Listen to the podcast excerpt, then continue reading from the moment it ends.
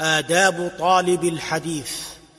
وأخلص النية في طلبك وجد وابدأ بعوالي مصرك. وما يهم ثم شد الرحل لغيره ولا تساهل حملا. واعمل بما تسمع في الفضائل والشيخ بجله ولا تثاقلي عليه تطويلا بحيث يضجر ولا تكن يمنعك التكبر. أو الحيا عن طلب واجتنبي كتم السماع فهو لؤم واكتبي. ما تستفيد عاليا ونازلا لكثرة الشيوخ صيتا عاطلا.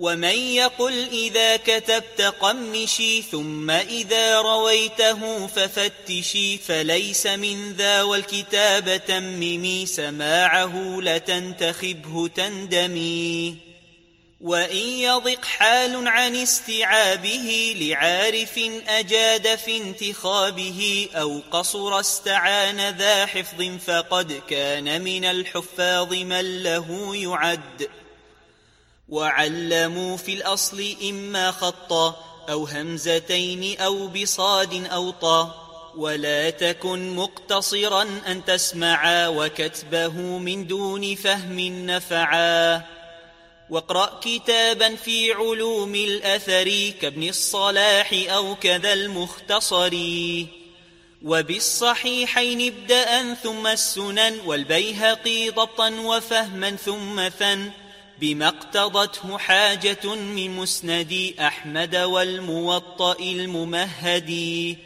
وعلل وخيرها لأحمد والدار قطن والتواريخ غدا من خيرها الكبير للجعفي والجرح والتعديل للرازي وكتب المؤتلف المشهور والأكمل الإكمال للأمير. واحفظه بالتدريج ثم ذاكري به والاتقان اصحبا وبادري إذا تأهلت إلى التأليف تمهر وتذكر وهو في التصنيف.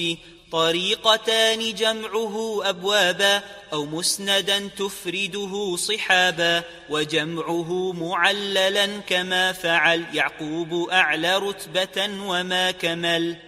وجمعوا أبوابا أو شيوخا أو تراجما أو طرقا وقد رأوا كراهة الجمع لذي تقصير كذاك الإخراج بلا تحرير